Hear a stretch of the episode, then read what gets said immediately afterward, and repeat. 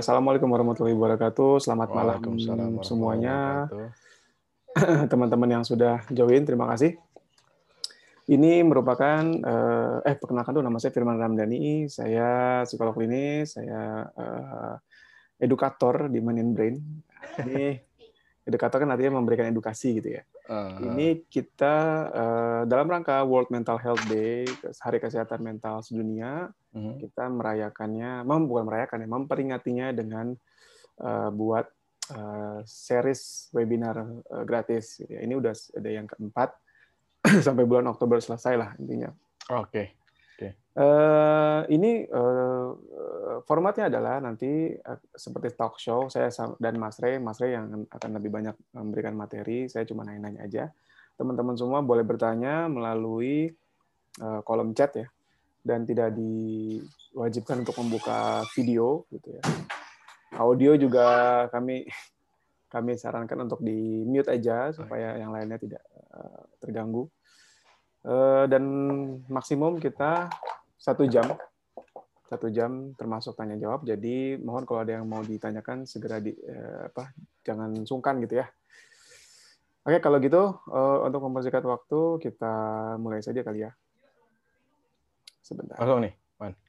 tunggu tunggu tunggu pindah dulu pindah spotlight nah Gue jadi ada di ujung. Oke, oke. Udah, udah, udah, udah mulai nih, Man ya? ya kenalan dulu dong Oke, oke. Thank you, Man. Eh, halo te- teman-teman semua, salam kenal. Saya Rey Zeraldi, saya temannya Firman. Ah, gitu aja. Pokoknya saya sama Firman tuh teman aja.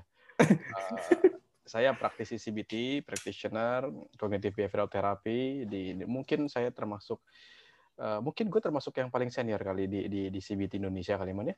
hmm, salah satunya lah Udah, udah urusan jam terbang gitu ya. Kalau misalnya Jam duduk. jam duduk, jam duduk, duduk. bukan jam terbang. Oke. Jadi eh, pada kesempatan kali ini kita akan bicara kemarin sih ada ada beberapa request gitu ya topik pembicaraannya apa, tapi saya cenderung memilih eh, karena kita basicnya itu kognitif, kita cenderung memilih bagaimana eh, unconscious mind itu eh, selalu be- apa namanya mempengaruhi perilaku kita sehari-hari. Makanya tadi judulnya itu eh, otomatis yang yang negatif ya man ya. Gimana? Hmm, bahaya otak otomatis Ah, Oke, bahaya otak otomatis. Jadi memang eh, kalau misalkan kita kita coba pikirkan lagi ke, ke perilaku kita sehari-hari apa saja yang kita lakukan gitu ya. Sebenarnya mungkin 90% atau atau lebih itu dikuasai oleh hal-hal yang otomatis yang nggak kita pikirin lagi. Apalagi kalau misalkan itu adalah kegiatan rutin kita sehari-hari. Contohnya, setiap hari kita berangkat ke kantor atau setiap hari kita berangkat ke tempat kuliah. Walaupun kita mengendarai mobil atau naik motor gitu ya, kita nggak pernah berpikir kita mau belok di mana. Udah otomatis aja. Bahkan saya punya teman dulu waktu waktu SMA, ini ini bentar ya, ini kisah nyata. Saya rumahnya di Cilegon, saya tinggal di Cilegon dan eh, itu tetangga saya teman saya itu. Dia sekolahnya di Serang. Anda bayangkan eh, Cilegon Serang itu jaraknya kalau pakai kalau di jalan biasa bukan pakai jalan tol tuh kira-kira 40 kilo, 30 sampai 40 kilometer. Dia bisa tidur tuh naik motor tuh. Bener sampai ngejalanin motor tuh udah bisa saking saking terlalu apa ya setiap hari. Bayangin aja tiga tahun lewat jalan itu. Dia sampai Hmm. tahu sampai bisa ketiduran di jalan. Itu kan sebenarnya membahayakan ya. Tapi begitulah otak bekerja. Otak itu sifatnya sangat malas. Sifatnya sangat malas. Cara kerjanya adalah asosiatif, semuanya dihubung-hubungkan dan sifatnya sangat malas. Jadi eh, bagaimana otak menghandle seluruhnya? Apabila sudah ada hal yang kita lakukan itu eh, apa namanya sudah disimpan dalam memori, otak akan menduplikasi kembali apa apa yang sudah kita lakukan, gitu loh. Jadi eh, caranya biar otak itu bisa memenuhi semua kebutuhan kita, disimpan dan dikeluarkan secara otomatis nanti apabila kita membutuhkan. Makanya kita nggak perlu berpikir lagi, kita bisa lakukan itu semua. Kita sambil nyetir, kita bisa sambil telepon-teleponan. Teleponnya kita conscious tuh, teleponnya kita sadar tuh pembicaraan kita apa saja. Tapi nyetirnya udah otomatis gitu itu itu itu uh, otak otomatis itu seperti itu jadi otomatis itu bukan berarti kita walaupun kita sebutnya itu unconscious tapi ini mind ya bukan unconscious dalam dalam pengertian kedokteran yang kita sedang pingsan tidur nah, itu unconscious dalam pengertian kedokteran tuh ya kalau atau koma gitu. tapi kalau di di dalam kita dalam bicara dalam istilah psikologi atau dalam dalam konteks mindset otom, uh, unconscious adalah hal-hal yang otomatis sifatnya gitu Yang paling gampang saya selalu contohkan, kita setiap hari bangun pagi, setiap hari kita ke kamar mandi, setiap hari kita mandi, tidak pernah kita pikirkan yang mana dulu yang kita sikat giginya. Apakah yang kanan dulu, apakah yang kiri dulu, apakah yang atas dulu, apakah yang bawah dulu, kita nggak pernah pikirkan. Itu semuanya terjadi otomatis. Itulah sifat otak otomatis gitu ya. Dan ternyata, ternyata uh, apa namanya otak-otak yang otomatis ini tentu ada baiknya, uh, tapi banyak juga yang jeleknya. Itu yang perlu kita kontrol bahayanya. Contoh yang jeleknya itu apa? Ternyata emosi kita pun tuh bisa disimpan dalam otak yang otomatis gitu. Emosi kita. Kita ngelihat orang yang kita nggak sukain, langsung tiba-tiba cemberut, langsung kita ketemu bete. Padahal kita lagi asik nih sama teman-teman kita lagi ngobrol ngobrol nih uh, ngumpul-ngumpul mungkin sama peer peer group kita gitu sama kelompok kecil kita mungkin cuma bertiga atau berlima tiba-tiba orang yang nggak kita sukain lewat depan kita tuh tiba-tiba langsung ngomong eh lu lihat deh di situ ada lagi lewat tuh muka kita langsung berubah Padahal dia cuma lewat doang, nyapa kita kagak, ngeledekin kita kagak, kitanya juga.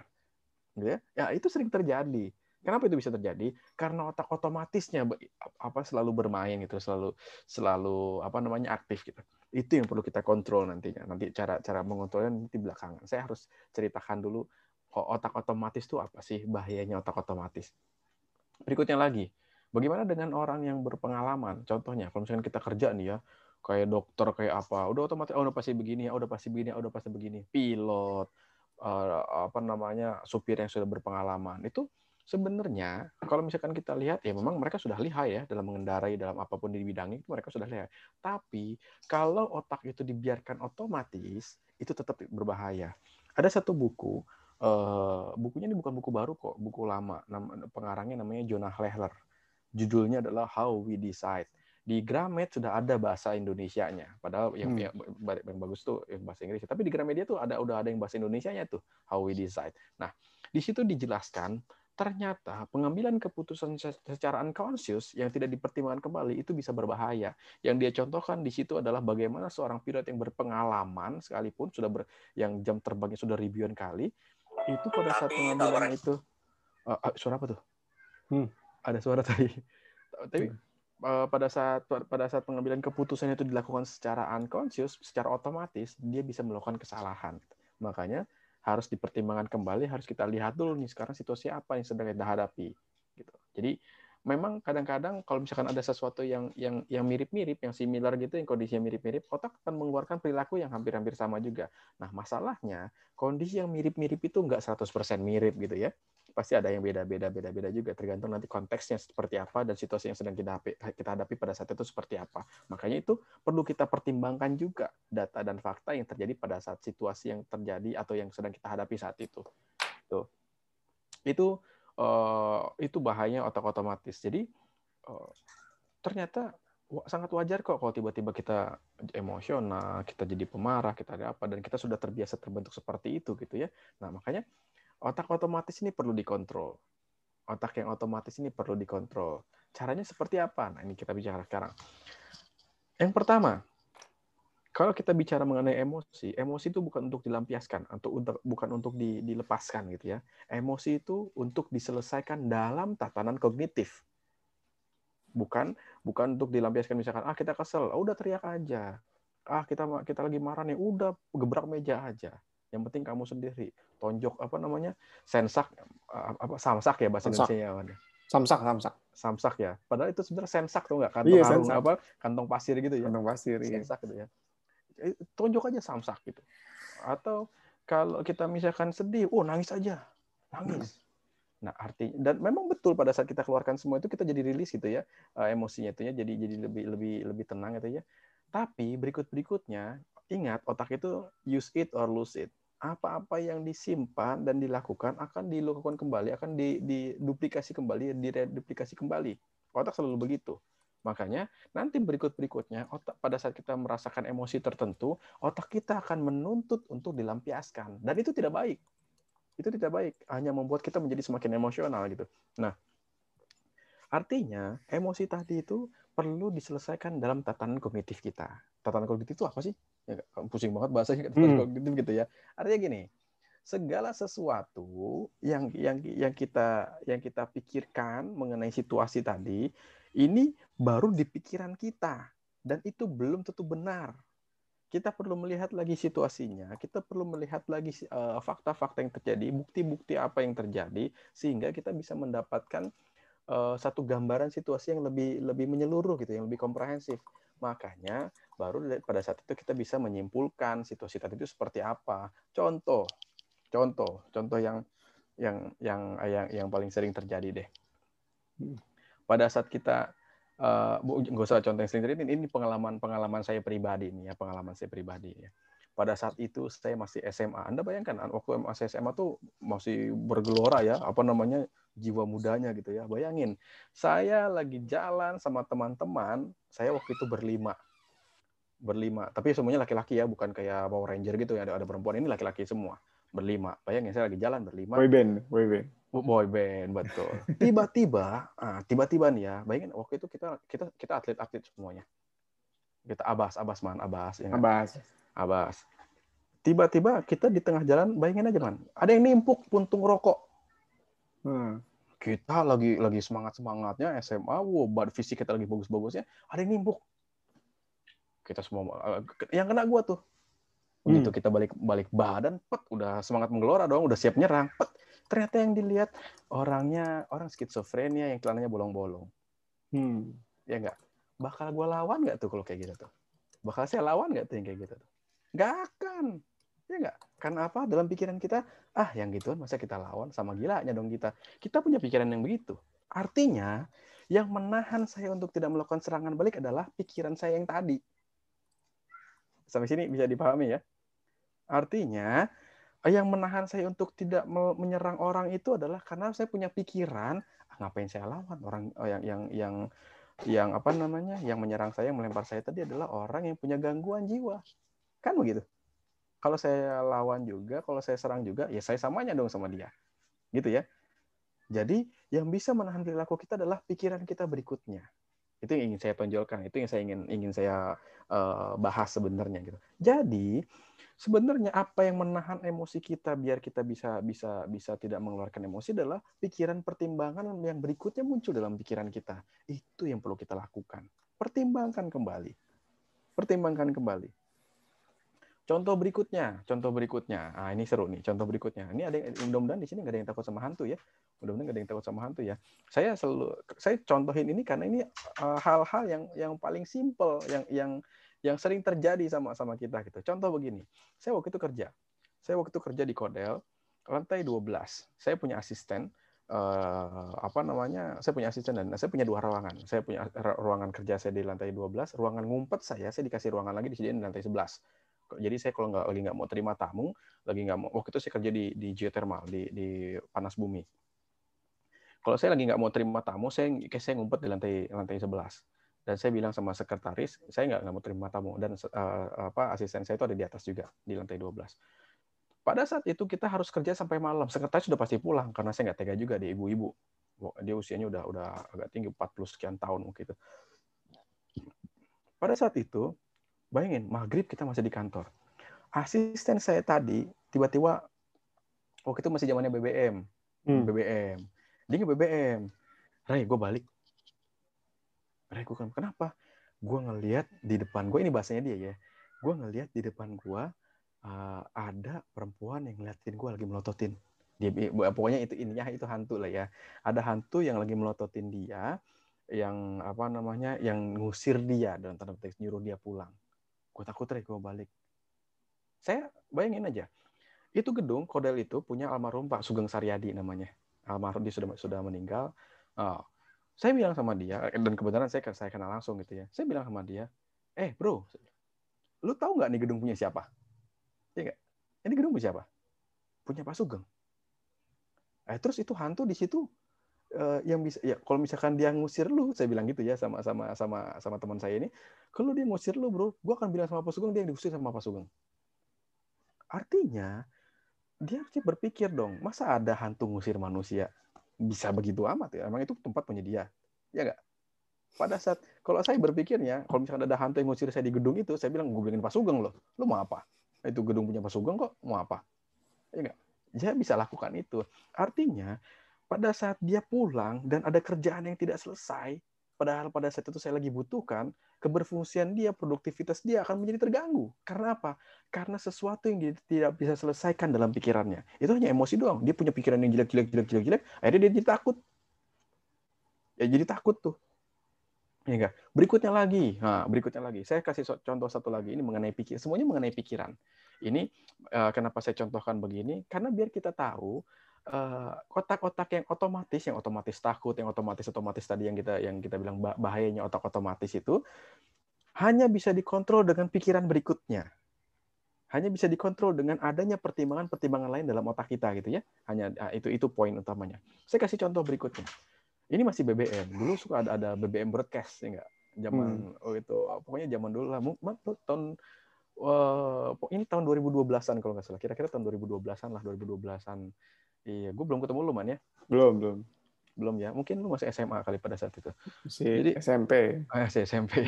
Jadi gini, waktu itu di broadcast, bayangin ya, mungkin sampai sekarang juga masih ada. Broadcast mengenai nenek Ani. Wah, ini menyeramkan ini.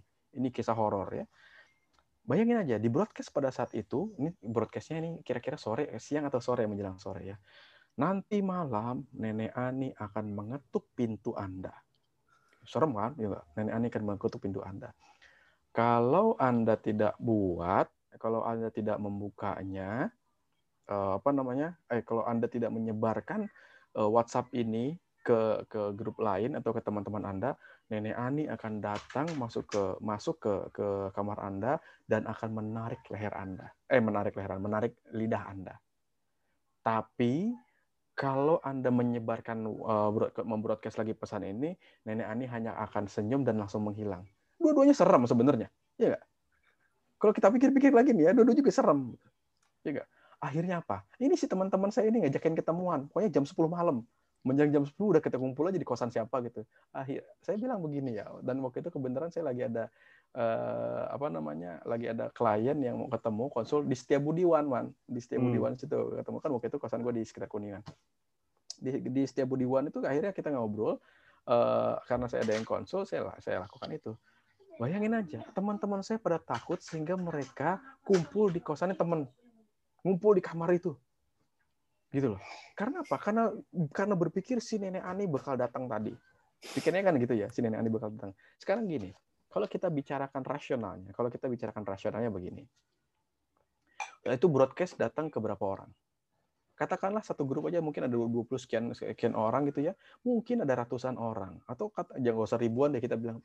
Pikirkan aja ya kira-kira itu broadcast diterima oleh orang sekitar 100 orang.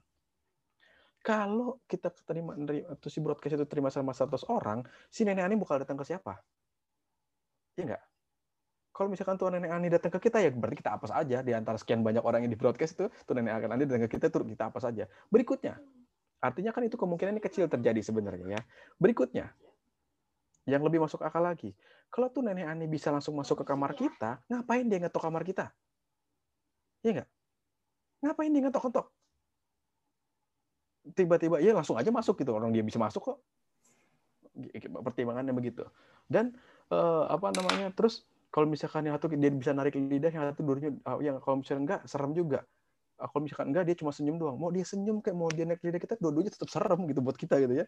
Dan itu dan buat saya itu semua nggak masuk akal gitu. Itu semua nggak masuk akal dan buat saya ya sudah saya abaikan aja. Tapi itu itu saya. Tapi yang terjadi sama teman-teman saya adalah karena mereka betul-betul takut mereka jadi kumpul ke satu tempat bayang nggak? Kebayang nggak gini ya? Kalau ternyata beneran ya ini kita bercandanya dia kalau ternyata bercanda di beneran itu ya uh, orang-orang yang dapat broadcast tadi akhirnya jadi kumpul ke satu tempat. Kan si nenek ani jadi gampang datang ke situ aja ketemu semua jadinya. Karena bahaya jadinya gitu ya. Surprise. Iya surprise ya. Jadi semuanya kena. Mendingan kita nyebar. Jadi nenek ani bingung gitu mau mau datang ke siapa nih sebenarnya ini kan gitu. Ya nggak? Mendingan kita mendingan kita apa namanya? Mendingan kita nyebar aja.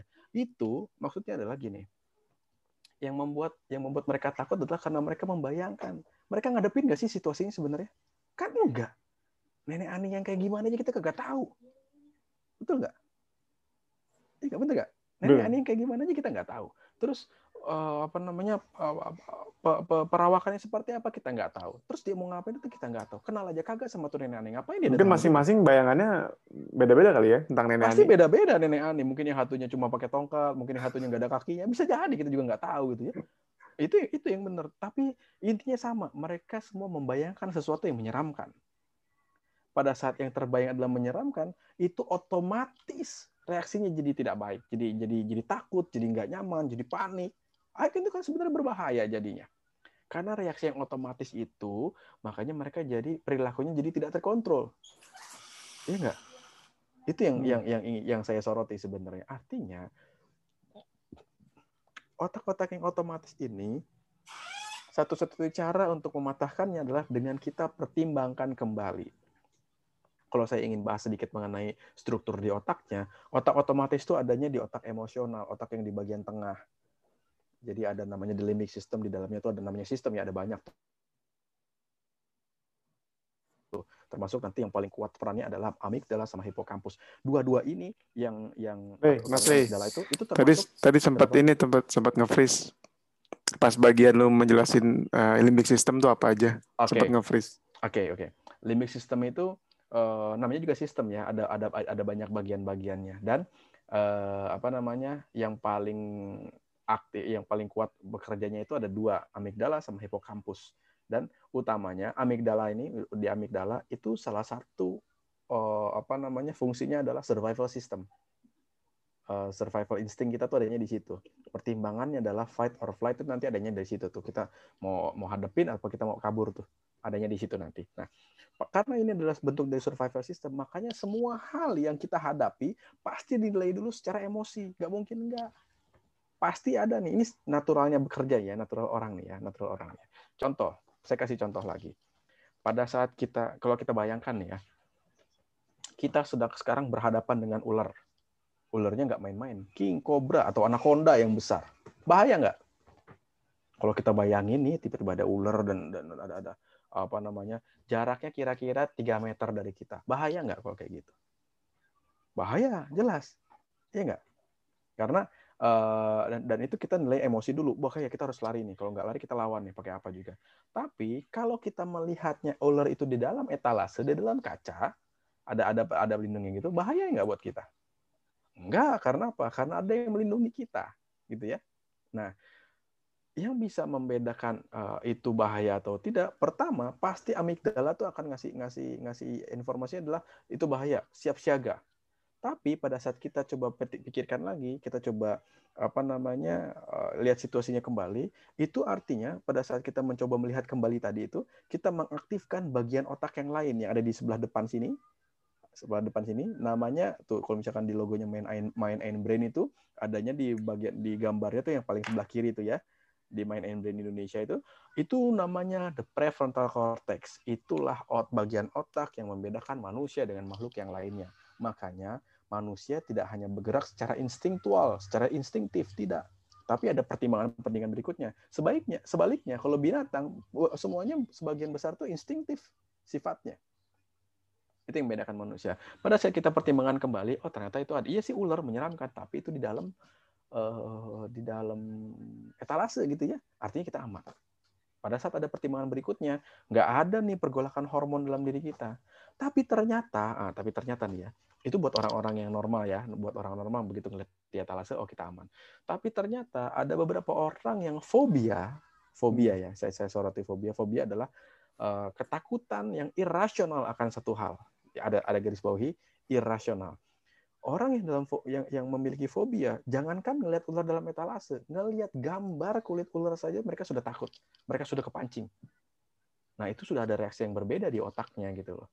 Artinya otak pertimbangannya sama sekali tidak bekerja dalam menghadapi hal itu. Makanya itu yang perlu kita latih. Cara melatihnya gimana? Ajukan pertanyaan-pertanyaan kepada diri sendiri yang eh, kepada otak kita sendiri agar si otomatis tadi itu bisa kita bisa kita kontrol gitu ya. Ya gitu aja. Pertanyaan pertama, pertanyaan pertama, bener nggak ya apa yang saya pikirin ini? Bener nggak ya apa yang saya bayangin ini? Contoh, katanya ada contohnya nenek Ani kan ya. Contohnya begini Uh, tadi kan kita dapatin uh, saya dan teman-teman itu mendapatkan broadcast mengenai nenek Ani yang bakal datang. Tiba-tiba kalau misalkan kita tanya, "Duh, bakal datang ngeri nih kalau misalkan nenek Ani datang bisa gawat nih." Bener nggak ya tuh nenek Ani bakal datang ya? Ya nggak? Pertanyaan pertama gitu aja. Bener nggak ya terus kalau misalkan datang dia bisa ngapain gitu? Kan gampang aja. Ya nggak? Dalam banyak hal itu banyaknya nggak benar dan atau jangan nggak benar deh, belum tentu benar. Ya nggak? karena nanti kita belum belum belum bisa menemukan bukti-bukti yang bisa mengafirmasi atau mengkonfirmasi secara 100% itu akan terjadi dan kita tidak bisa menolak 100% juga. Tapi ada kondisi di mana kita bisa menyatakan belum tentu benar gitu ya, belum tentunya ya. Nah, itu yang terjadi. Berikutnya, kalaupun ternyata benar, kalaupun ternyata benar, perlu nggak ya kita respon? Misalkan, ah udahlah bisa jadi nenek ini benar, ya perlu nggak ya gue ke sana ya, perlu nggak ya gue keluar rumahnya, perlu nggak ya gue begini ya, dalam hal itu ya nggak perlu lah ngapain juga.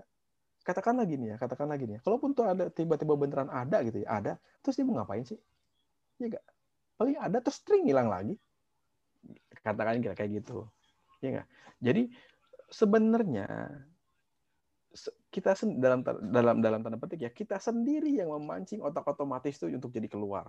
Kita sendiri yang memancing otak otomatis itu selalu aktif karena hmm. selalu kita biarkan gitu ya. Kita tidak pernah mengcounter kita tidak pernah melakukan sesuatu untuk untuk bisa uh, apa namanya mengurangi intensitas dari otak-otak yang otomatis itu. Itu yang terjadi itu yang terjadi. Nah uh, apa namanya itu bahayanya otak otomatis.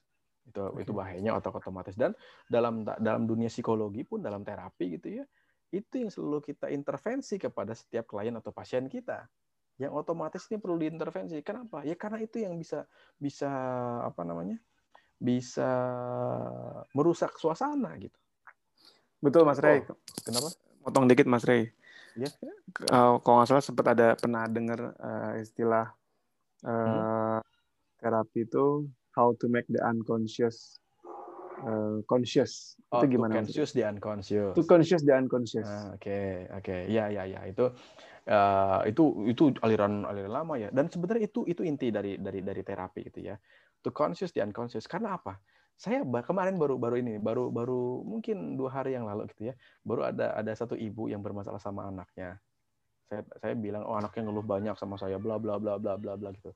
Saya tanya sama ibunya ibu gini enggak kok saya nggak marah sebenarnya biasa aja. Dia nggak ngerasa dia marah. Intonasinya tapi tinggi gitu ya dia nggak ngerasa dia marah, tapi intonasinya tinggi.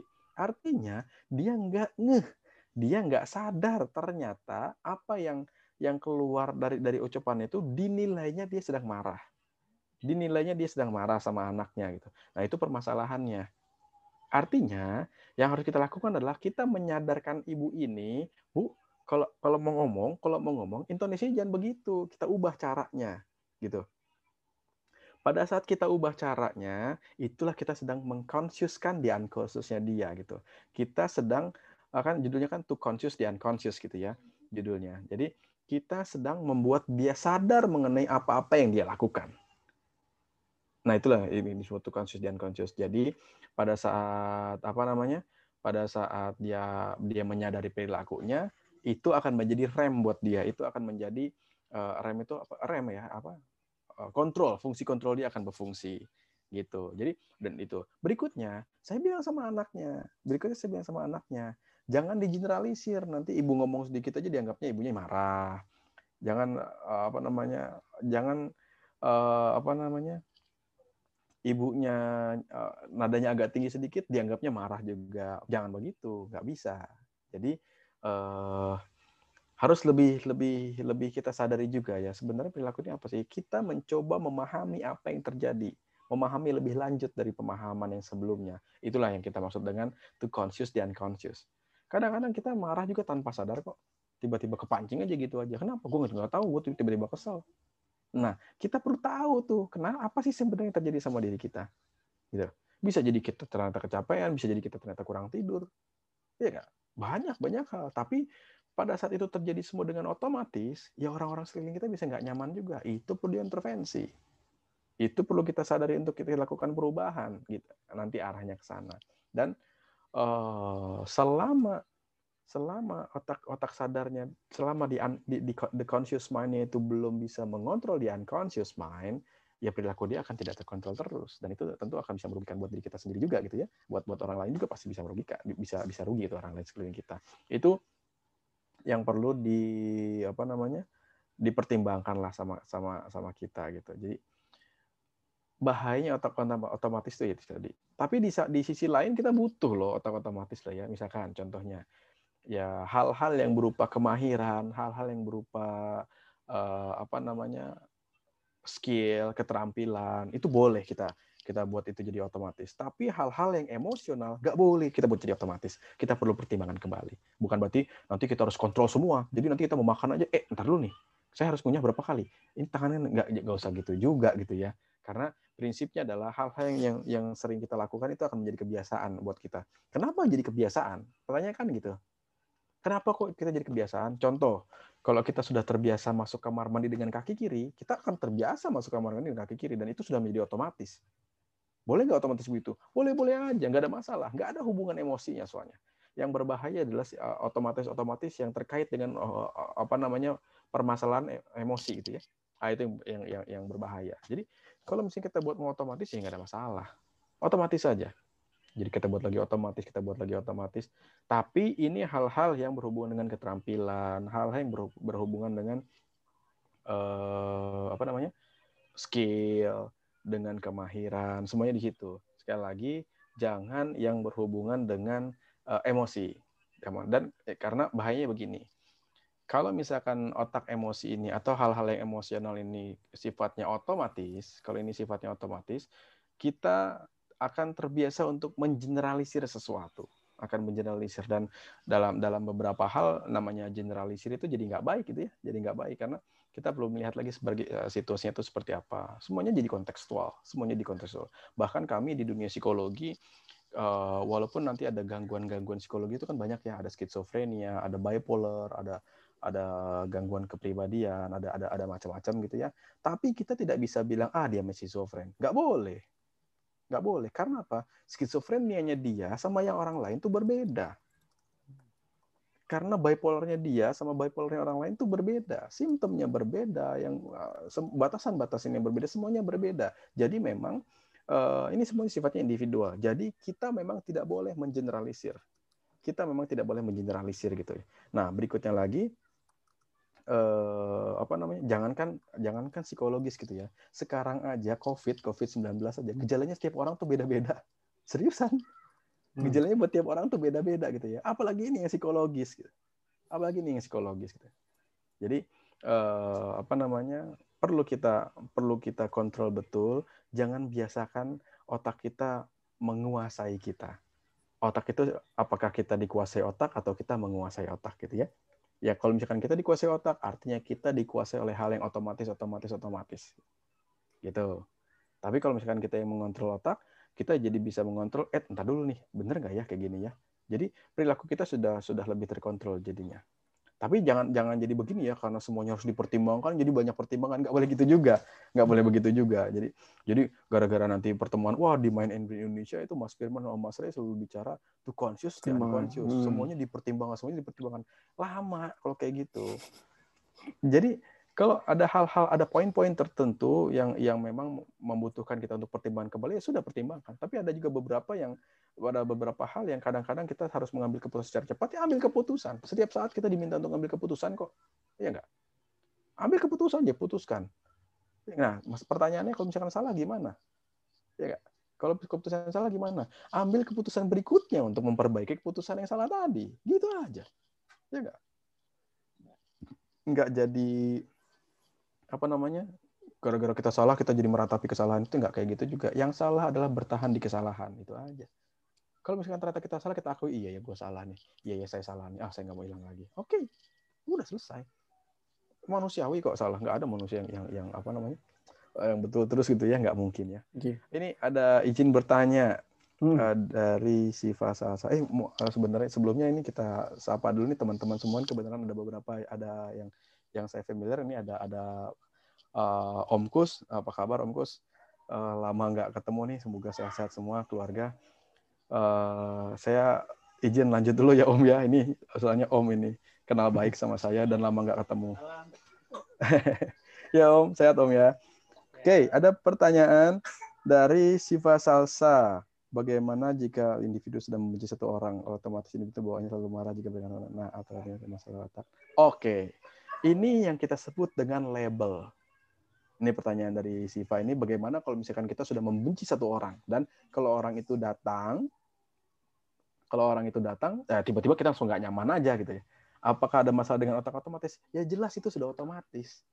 Jelas itu sudah otomatis. Dan uh, masalahnya begini, pada saat kita sudah membenci itu kan berarti sebenarnya ada ada ada luka ya, ada luka di di di hati kita atau ada sesuatu ada suatu perilaku yang dari dia yang membuat kita tidak nyaman gitu. Ya enggak? Jadi uh, masalahnya di otomatis ya tentu itu otak otomatis yang terjadi. Nah, mak maksudnya begini ya. Itu kenapa kalau kita selalu diajarkan jangan membenci orang. Nggak boleh. Yang kita benci itu, yang kita tidak suka itu perilakunya. Perilakunya, bukan orangnya. Pertanyaannya simpelnya begini. Apakah orang yang kita benci itu selalu selalu selalu perilakunya selalu negatif? Ya nggak? Apakah orang yang kita benci itu eh, apa namanya tidak ada baiknya? Enggak juga kan. Sebenarnya pasti ada baiknya gitu. Cuma masalahnya pada saat kita sama kita perilakunya tidak menyenangkan. Artinya yang perlu kita yang perlu kita fokuskan adalah saya tidak suka perilaku-perilaku yang negatifnya. Saya tidak suka perilaku-perilaku yang yang tidak menyenangkannya itu saja. Dan kalaupun dia melakukan perilaku itu kepada orang lain bukan kepada kita ya sudah. Jangan jadi keanggap, wah memang dia mau orangnya begitu, ke gua juga begitu tuh. Jadi kita kebawa lagi gitu ya. Jadi kita kebawa lagi gitu ya. Nah itu kita jadi tidak bisa membeda-bedakan sebenarnya. Dan kita mengeneralisir orang yang kita benci itu pasti ke orang lain pun begitu. Nah itu yang jadi tidak fair. Lalu apakah bisa dilatih disembuhkan? Ya tentu bisa. Tentu bisa. Itu perlu diintervensi. Kenapa ini? Kenapa? Kenapa otak otomatis itu sulit untuk untuk di, di, diatasi. Karena begini ya otak itu kan kalau misalkan sudah sudah tertanam betul itu kan itu menjadi koneksi antara antara sarafnya itu menjadi sangat kuat ya. Kita sebutnya pathway pathway-nya itu menjadi sangat kuat. Kalau pathway sudah sangat kuat itu akan membentuk menjadi pola tuh di otaknya yang namanya pola kalau misalnya sudah bulat bulat bulat terus ke depannya akan bulat terus. Dan itu kalau tidak diintervensi atau menghadapi satu yang satu jalan buntu itu itu nggak bisa berubah. Makanya untuk mengintervensi untuk mengubah uh, label atau pikiran otomatis yang negatif tadi perlu diintervensi. Perlu diintervensi. Ya diintervensi itu bagusnya memang ke profesional. Tapi kalaupun tidak nanti ada uh, silahkan uh, siapa sih tadi yang nanya? Saya lupa Siva kalau nggak salah ya. Siva. Siva ya. Nah Mbak Siva nanti bisa uh, browsing uh, banyak kok uh, bagaimana mengatasi otak otomatis, bagaimana mengatasi pikiran otomatis itu ada bisa browsing aja. Nanti ada ada tools-toolsnya situ banyak di, di di Google gitu ya. Nah tapi jangan googling di YouTube gitu ya, nggak mungkin ketemu. Gitu. Googling ya di Google, gitu. jangan jangan di YouTube. Nah itu bisa diintervensi nggak? Pasti bisa. Cuma masalahnya uh, ini sifatnya individual dan nanti kita perlu mempertimbangkan faktor strength dan weakness dari setiap orang yang kita hadapi. Itu pertama gitu ya. Dan dan semua yang kita lakukan itu semuanya bagaimana kita uh, to conscious the unconscious bagaimana kita mengontrol otak-otak yang otomatis termasuk labeling, termasuk mind reading. Mind reading itu oh, kayaknya nebak-nebak gitu ya atau termasuk nanti yang paling yang biasanya banyak terjadi itu catastrophizing. Gak mungkin deh gue mampu, gak mungkin deh gue bisa. Ah, itu catastrophizing seolah-olah yang akan datang tuh pasti kita gagal. Tuh gitu ya, Siva ya. Berikutnya nih ada ada ada pertanyaan lagi nih. Dari Fatur. Dari Fatur, Fatur, Fatur, Mas Fatur. Izin bertanya, apakah gangguan OCD merupakan kita pikiran otomatis? Terima kasih. Ya, tentu, tentu. OCD itu obsesif, obsesif compulsive uh, disorder gitu ya. Jadi uh, karena obsesif, obsesif itu dipikirin, dipikirin, dipikirin, dipikirin, nanti dia ada ada ada perasaan. Jadi pada saat dan kalau misalkan ada ada barang, ada barang misalkan OCD yang yang paling saya punya punya apa namanya uh, eh, OCD itu kan sebenarnya conscience yang utamanya ya dia dia ngerasa uh, aturan dia tuh harus harus ditegakkan betul gitu. Kenapa dia nggak mau dia kenapa dia ngumpulin sampah? Karena dia berpikir kalau sampah itu dia buang dia bisa mengotori lingkungan, ya Gitu. Jadi dia pada saat dia punya sampah otomatis dia simpan biar dia nggak ngotori lingkungan. Otomatis dia simpan, otomatis dia simpan. Akhirnya di kamarnya jadi berantakan tempat sampah semua. Itu ya pertama. Berikutnya saya punya pasien juga bukan bukan bukan pasien sih ya. Jadi eh, pernah sedikit saya pernah saya bantu tangani lah ya. Dia kalau mandi itu lamanya luar biasa. Kenapa dia kalau mandi lama? Karena dia berpikir pada saat dia mandi, dia mandi ini ini anak ini SMA, anak SMA, laki-laki. Jangan berpikir ini perempuan ya, jangan berpikir ini perempuan ya. Ini laki-laki pada saat dia mandi, dia berpikir kotoran badan dia itu mengotori mengotori kamar mandi dan dia khawatir itu bisa membuat orang lain sakit yang yang setelah dia masuk kamar mandi itu bisa jadi sakit. Jadi setiap dia ke kamar mandi dia bersihin tuh kamar mandi. Dan itu otomatis, makanya dia kalau mandi tuh dua jam. Makanya dia kalau mandi tuh paling cepat tuh jam setengah, dua jam. Sedangkan dia jam jam jam setengah tujuh paling telat dia harus sudah mandi, eh, harus sudah berangkat dari rumah kan. Dia nggak bayangin aja dia jam setengah lima mandi dari jam setengah lima dia mandi. Anak SMA nih. Pada saat saya tangani dia baru kelas 2. Gitu. Pada saat dia tangani dia baru kelas 2. Eh, sorry, pada saat saya tangani. Tapi laki-laki. Saya bilang sama ibunya bercanda, Bu, kalau gitu dia suruh mandi di tempat saya deh, Bu. Ya, ya, jadi kalau habis dia mandi kan disikatin tuh kamar mandi dibersihin, jadi kamar mandi saya bersih gitu ya. Tapi tapi itu yang terjadi. Kenapa? Itu otomatis. Kalau kita tanya, dia juga kadang-kadang nggak ngerti. Dia cuma cuma jawabnya nanti bisa normatif, bisa bisa asal jawab, bisa juga dia nggak tahu kenapa. Udah otomatis aja bersihin. Itu otomatis memang. Dan uh, apa namanya otak ini masih masih lama nggak man waktunya? Bentar lagi ya? Masih masih 15 menit lagi maksimal. 15 menit ya, oke. Okay. Uh, memang itu semua otomatis dan kita harus break. Tapi OCD tidak hanya otomatis yang ringan itu ya yang namanya OCD tapi itu sudah ada belief system yang memang memang bermasalah sehingga kita harus harus harus uraikan itu dulu. Memang tidak semudah seperti yang kita bilang. Otomatis dikontrol kembali. Itu tidak semudah seperti itu. Apalagi kalau misalkan sudah menjadi yang namanya disorder ada D-nya tuh ya disorder. Kalau misalnya sudah menjadi gangguan, ya memang ada ada cara-cara tertentu yang memang harus kita lakukan sehingga uh, kita bisa memberdayakan kembali otaknya yang sudah dalam tanda petik membangun uh, membangun pathway-nya itu uh, kurang banyak lah gitu. Salah arah terbangunnya seperti itulah. Jadi saya tidak bilang ini ngegampangin ya harus kita ini tidak. Semuanya tidak gampang tapi itu bisa dilakukan gitu. Oke, pertanyaan berikutnya saya ingin bertanya bagaimana menyeimbangkan fungsi dengan dengan bagaimana kita bisa menyeimbangkan fungsi otomatis terkait dengan unconscious otak dengan fungsi conscious otak. Terima kasih. Oke, menyeimbangkannya gini aja. Kita fokus kepada keberfungsian kita. Kita fokus kepada uh, peran yang melekat, melekat pada kita. Kalau kita masih berfungsi, kalau kita masih masih bisa produktif di bidang kita dan tidak mengganggu keberfungsian kita, nah itu artinya nggak ada masalah. Artinya kita bisa menyeimbangkan antara otomatis sama sama sama eh, yang otak yang yang conscious gitu ya. Itu itu poinnya. Jadi fokusnya di situ. Kalau kita melihat ternyata kita sudah mulai bermasalah, artinya mungkin di situ ada yang salah. Kita bisa cek lagi, apakah ternyata kita selalu dikuasai oleh unconscious, atau bahkan ternyata kok kinerja kita sangat lambat, atau mungkin kita terlalu banyak pertimbangan, gitu ya? Bisa jadi begitu. Karena orang-orang yang overthinking, semuanya dipertimbangkan, itu jadi nggak baik juga. Pada saat kita overthinking, karena semuanya, jangan-jangan begini, ini kalau gini gimana, kalau gimana. Itu tegangan dalam dirinya tinggi. Yang ada kita cemas nantinya. Nah, pada saat kita pada saat kita mulai terlalu cemas, tentu nanti akan ada fungsi-fungsi kita yang menjadi tidak tidak terselenggara dengan baik. Nah, di situ makanya kita perlu melihatnya apakah kita masih berfungsi atau tidak nih. Ada atau tidak fungsi-fungsi kita yang yang sudah mulai terganggu. Nanti kita fokusnya di situ.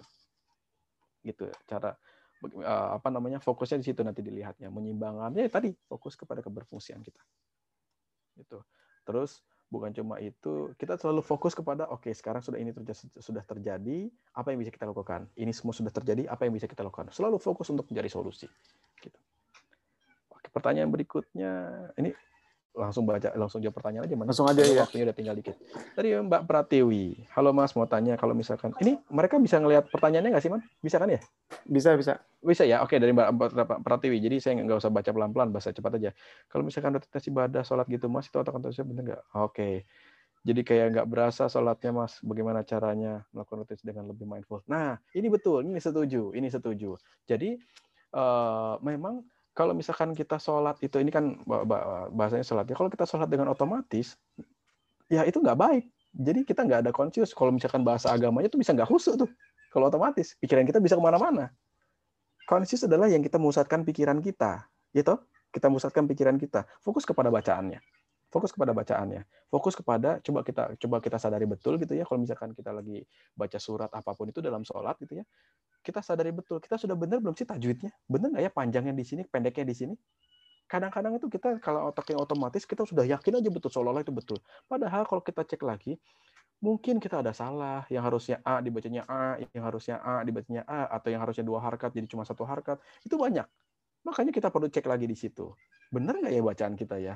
Di, dicek lagi tulisannya seperti apa. Bisa dicek bacaannya. Sudah benar atau dulu. Panjang pendeknya seperti apa. Fokus kepada itu saja dulu. Belum lagi nanti kalau misalkan kita kita pikirkan lagi, kita maknai segala macam lanjutannya.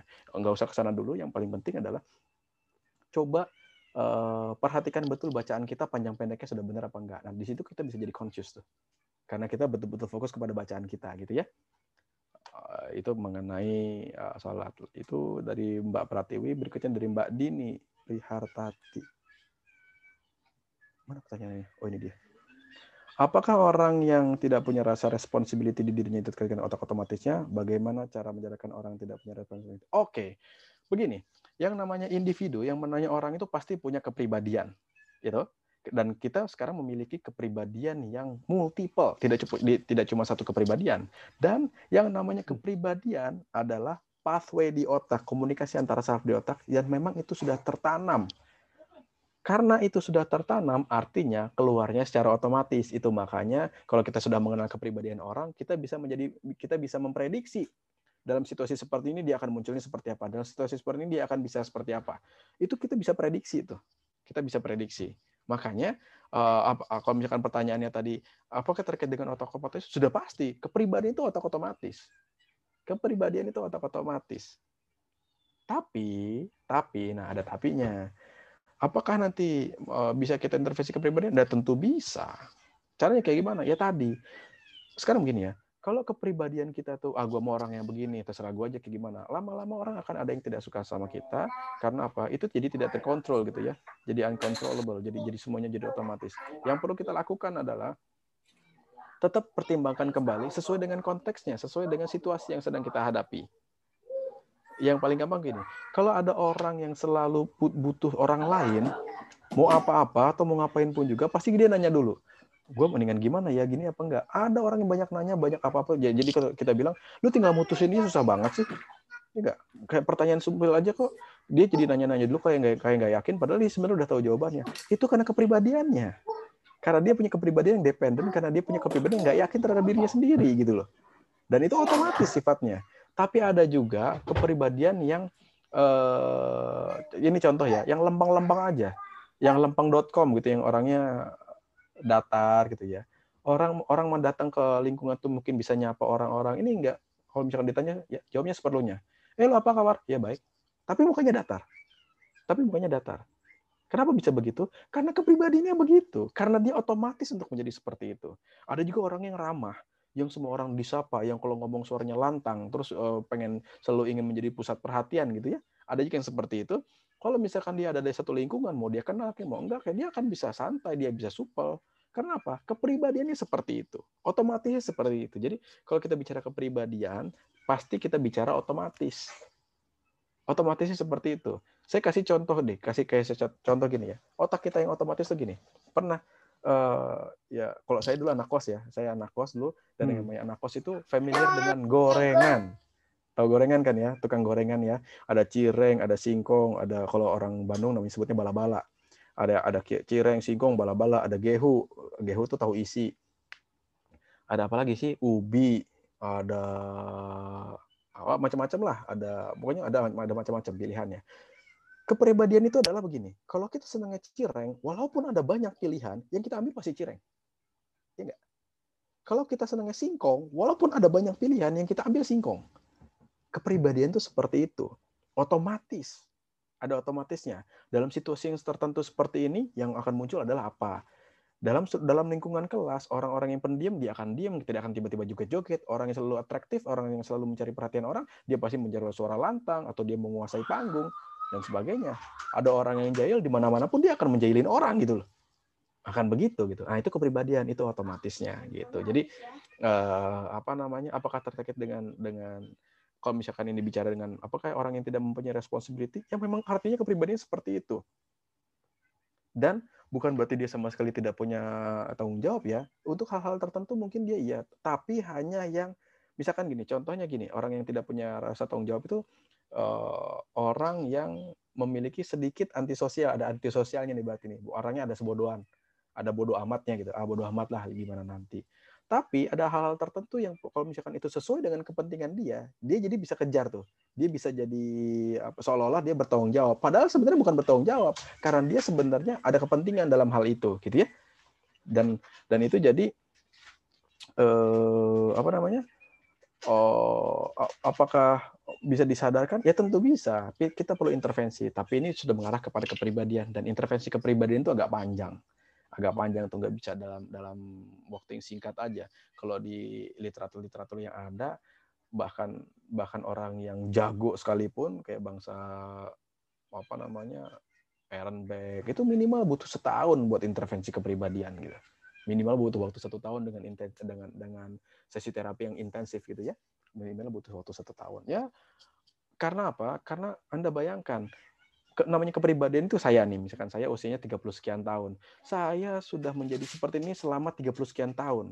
Dan untuk mengubah itu perlu kita ubah rangkaian uh, jalinan jalanan komunikasi antara saraf di otaknya. Itu artinya kita melawan dalam tanda petik memori yang sudah tertanam sekian puluh tahun itu.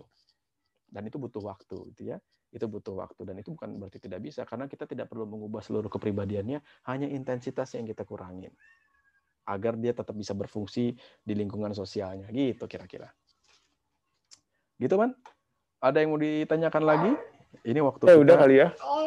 Ini masih ada lima iya, menit iya. lagi masih ada lima menit lagi. Masih ada lima menit lagi ya. Oke baiknya gini aja ya. Kali gua ada ada ada ada closing aja kali ya. Biar enggak ya enggak, boleh boleh. oke jadi begini uh, teman-teman semua otak kita itu ada conscious, ada unconscious. Ini kita bicara mind ya. Kita tidak bicara conscious dan unconscious dalam pengertian kedokteran. Tidak menjadi tidak tidak berarti unconscious itu artinya pingsan, tidur dan koma dan sebagainya, tidak sadar, tidak seperti itu. Yang kita maksud adalah unconscious di sini adalah otomatis. Nah, otak otomatis ini memang secara natural otak tuh bekerja seperti itu ya. Semuanya ingin dibuatnya jadi simpel, semuanya ingin dibuatnya jadi mudah. Karena otak kita tuh malas gitu ya. Tergantung bagaimana kita membentuk otak kita. Nah, karena otak ini ingin semuanya jadi simpel, maka dia selalu mengulangi atau menduplikasi semua perilaku yang pernah dia lakukan sebelumnya. Makanya kita bisa prediksi dan itu menjadi terbentuk menjadi seperti pola gitu. Nah, itu yang kita sebut juga jadi jadi kepribadian nantinya. Nah, otak-otak yang otomatis ini tadi sudah saya sampaikan kita membutuhkan itu kok. Utamanya dalam keterampilan dalam kemahiran hal-hal yang yang yang yang dibutuhkan secara prosedural gitu ya. Itu kita kita butuhkan. Makanya di prosedural memori itu semuanya dirangkai untuk menjadi otak otomatis. Otak otomatis tuh. Contohnya kalau kita jadi atlet kayak jadi atlet kan kita melatihnya kayak bulu tangkis deh kita melatihnya refleks tuh ya refleks tapi refleksnya refleks yang terlatih atau kita jadi pemain bola deh jadi kiper. Nangkap nangkap nangkap. Itu kan kita latih sebenarnya bagaimana otak kita membangun komunikasi dengan otot-ototnya. Dengan otot-ototnya. Dan itu bisa menjadi otomatis tiba-tiba refleks karena itu otomatis. Kita butuh itu.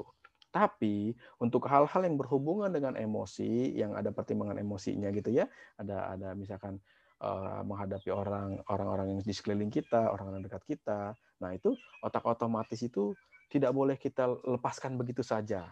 Tetap harus direm, tetap harus dikontrol dengan yang namanya pertimbangan-pertimbangan kembali. Dengan begitu kita mengaktifkan otak yang conscious, otak yang sadar yang ada di bagian depan sini, the prefrontal cortex gitu. Nah, pada saat otak itu sudah kita selalu aktifkan, aktivasinya menjadi lebih mudah, nanti otomatisnya jadi otomatis yang baik, otomatis kita jadi lebih terkontrol gitu loh. Yang asalnya otomatis yang tidak terkontrol menjadi otomatis yang uh, lebih terkontrol. Perubahan tuh seperti ini. Sekarang kita tidak sadar kita salah. Jadi otak otomatisnya udah kuat banget tuh.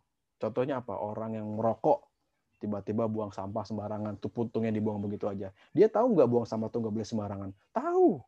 Tapi dia otomatis buang puntung rokoknya begitu kita kasih tahu kita tingkatkan menjadi dia apa dia sadar dia salah. Kita tingkatkan lagi menjadi dia sadar sekarang dia mulai benar sampai kita tingkatkan kembali menjadi dia tidak sadar sekarang dia udah benar. Contoh gimana? Begitu dia udah ngerokok begitu dia mau matiin mau buang eh nggak ada tempat sampah. Matiin dulu kita cari dulu tempat sampahnya baru kita buang. Atau bungkus permen atau apa pun itu. Itu itu tahapan-tahapan perubahan dan Artinya, dalam tanda petik, kita sebenarnya ingin menanamkan suatu otomatis yang baru, yang lebih baik. Itu perubahannya. Tapi tetap saja, kalaupun nanti itu berhubungan dengan emosi, nggak boleh kita biarkan begitu saja. Tetap kita perlu eh, melihat kembali situasinya, tetap kita perlu pertimbangan kembali, karena ini sifatnya semuanya kontekstual, semuanya situasional. Tergantung tadi emosi, ah, sorry, uh, situasi yang sedang kita hadapi pada saat itu. Itu paling teman-teman semua. Begitu, Mas Firman.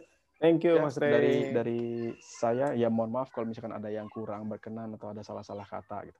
Uh, monggo saya kembalikan ke Mas Firman. Ya, terima kasih Mas Ray atas penjelasannya. Terima kasih teman-teman semua yang sudah uh, ikut join sampai selesai. Mungkin kalau misalnya penjelasan Mas Ray agak cepat, nanti bisa ditonton lagi. Kita akan upload uh, sesi ini nanti di YouTube. Mungkin nanti pasca bulan setelah bulan Oktober. Ya, terima kasih semuanya. Oke, okay, Biar nggak membuang waktu lagi, saya tutup. Terima kasih semuanya sekali lagi. Om Kus, terima kasih Om Kus. Terima kasih Om Kus sudah ikut join. Ya. Terima kasih. Uh, ya. Salam buat semuanya. Ya, makasih Om. Sama-sama Om. Saya tutup Salam semuanya, juga. bisa live. Terima kasih sekali lagi. Wassalamualaikum warahmatullahi wabarakatuh. Waalaikumsalam.